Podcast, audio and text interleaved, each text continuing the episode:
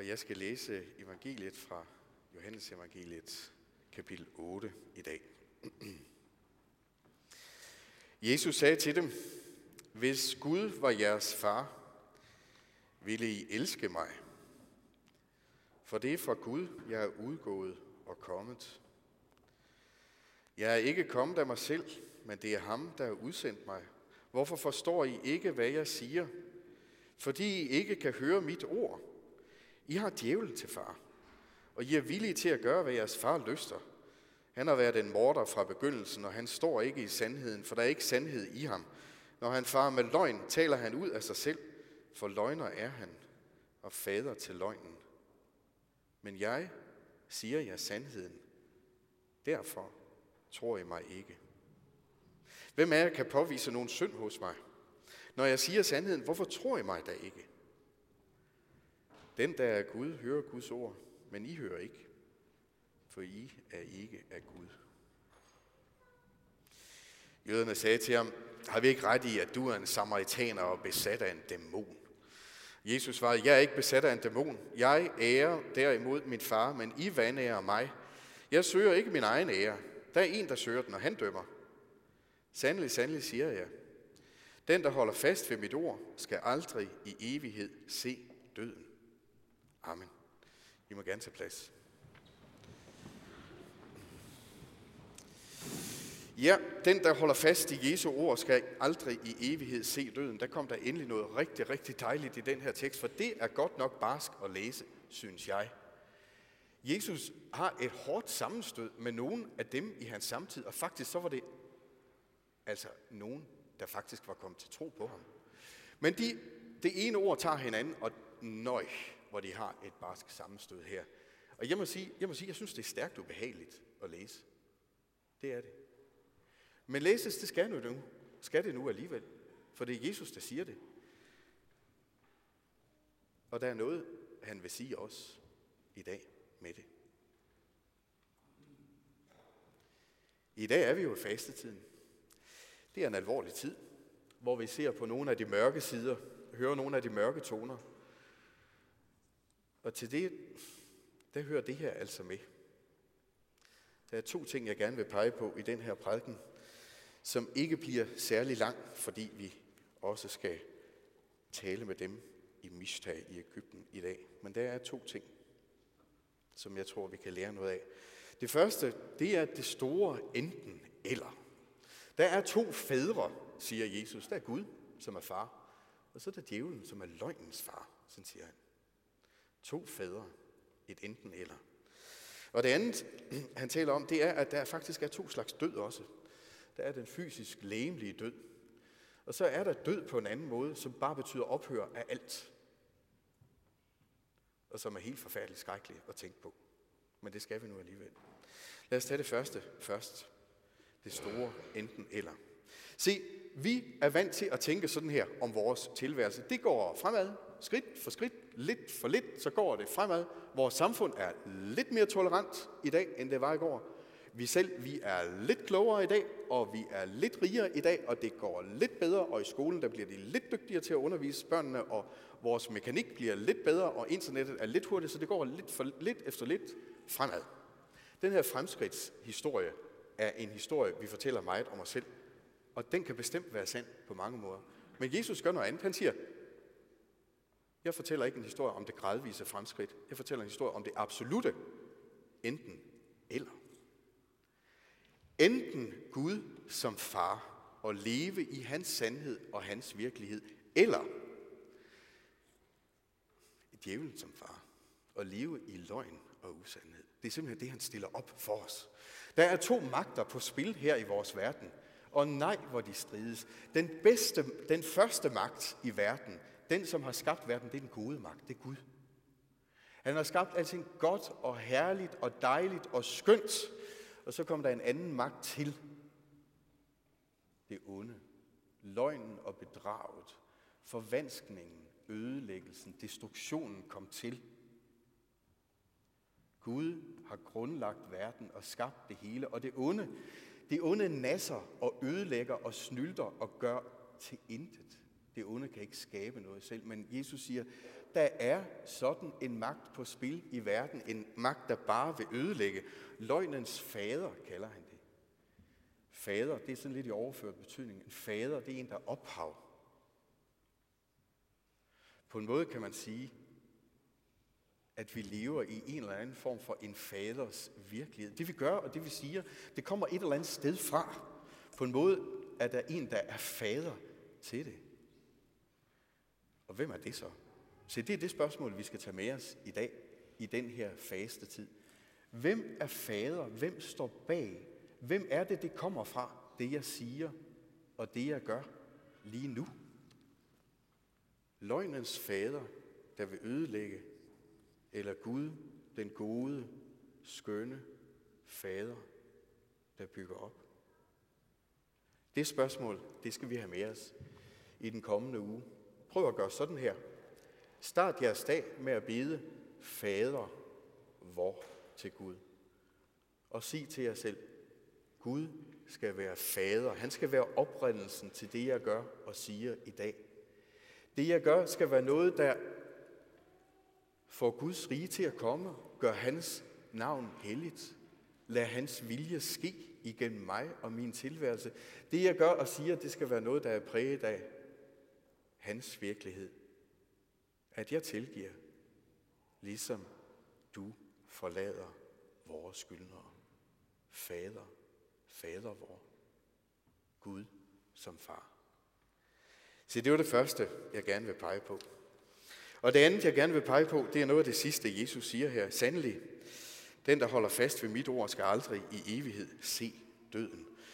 Og hvad er det for en død, han snakker om her? Ja, det er en død, som kan undgås. Der er en anden død, den kender vi meget bedre. Den kan ikke undgås. Det er den der død, som vi kommer til at lide, når vi bliver gamle eller bliver syge, eller der sker en ulykke. Det er den død, hvor vores krop dør. Den død, den er vores skæbne.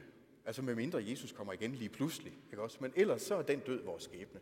Vi kan udskyde den lidt ved at leve sundt, og at der ikke sker nogen ulykker osv., men vi kan ikke, vi kan ikke undgå den. Den anden død, den kan vi undgå.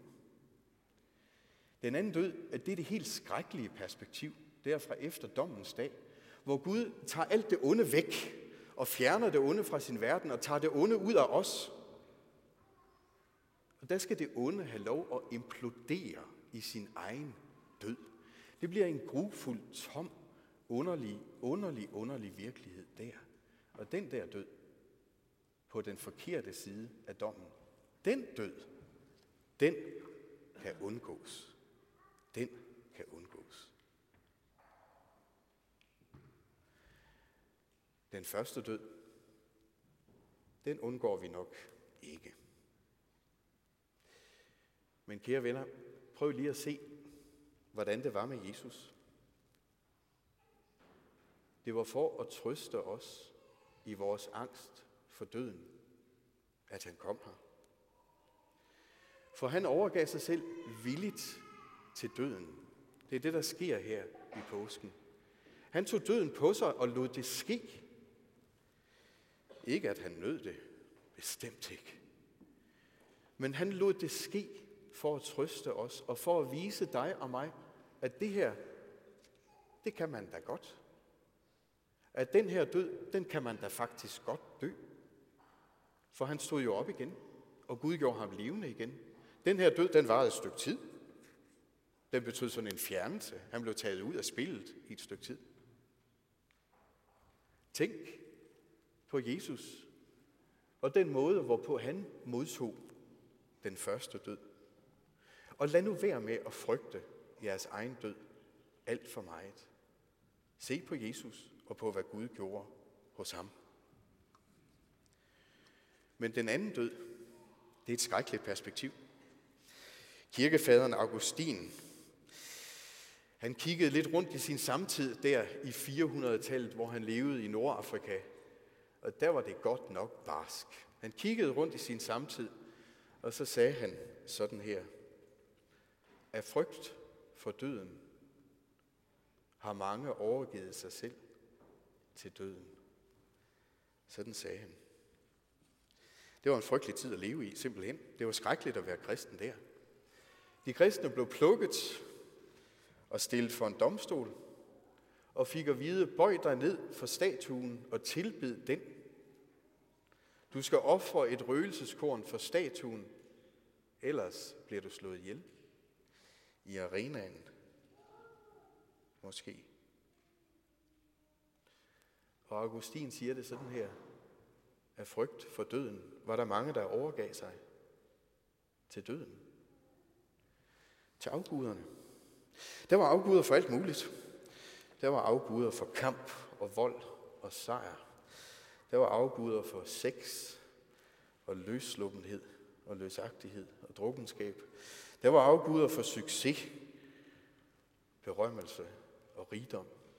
Bøj dig ned for dem, sagde de. Ær gudestatuen. Og af frygt for at blive slået ihjel, var der mange, der overgav sig til døden.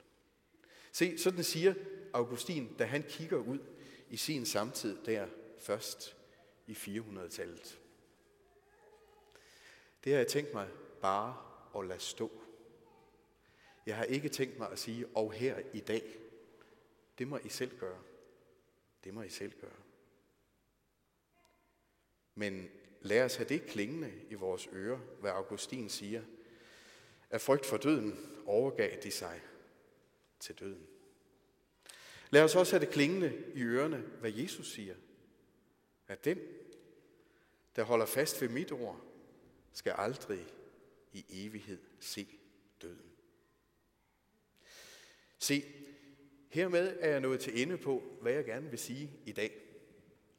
Se, jeg elsker at stå her på prædikestolen, når man kan få lov til at vælve Guds himmel ud over os alle sammen og prædike om hans godhed og kærlighed og styrke og magt.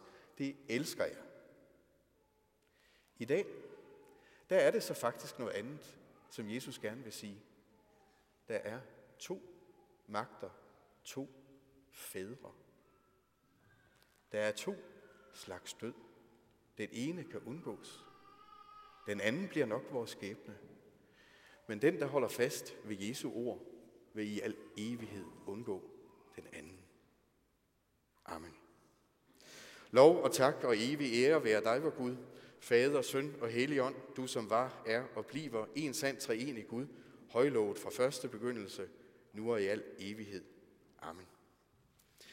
Nu her om lidt øh, skal vi synge en salme, og efter den vil vi prøve at få kontakt til vores venskabsmenighed i Mista igen og se, hvordan det går.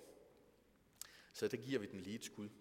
Lidt senere i gudstjenesten i dag øh, er der aldergang, og der vil jeg gerne lige give en lille kort instruktion. Øh, man snupper et bære der og går op, og når man så går ned, så stiller man bæret herovre i den anden side. I er meget velkomne til at deltage alle sammen. Børn er også meget velkomne. Hvis børn deltager, så vil jeg gerne bede om, at der lige er en voksen, der går med dem, så at børnene kan se, hvordan man gør. Det er også sådan, at mennesker, der har en anden religion end den kristne, eller som måske tilhører kirker, der ikke har nadverfællesskab med vores kirke, I er også meget velkommen til at gå med op og bede. Og så, øh, når vi så går og deler brød og vin ud, så gør I bare sådan her. Så får I ikke brød og vin, I kan bede, men så lægger præsten sin hånd på jeres hoved og velsigner jer. Så sådan håber vi, at alle kan være maksimalt meget med til aldergangen. Det vil være kontinuerlig aldergang i dag, og de af jer, der er kirkegangseksperter, I ved, at det er sådan, at man så bare går op, så beder man sin bøn, og når præsten og kordegnen har været forbi, så smutter man bare igen, uden at vente på, at de siger, nu må I gerne gå. Så sådan gør vi det. Godt. Vi øh, slutter prædiken nu med at rejse os. Der er sådan en dejlig hilsen, vi skal sige højt i kor til hinanden. Vor Herres Jesu Kristi nåde, Guds, vor Fars kærlighed og Helligåndens fællesskab være med os alle. Amen.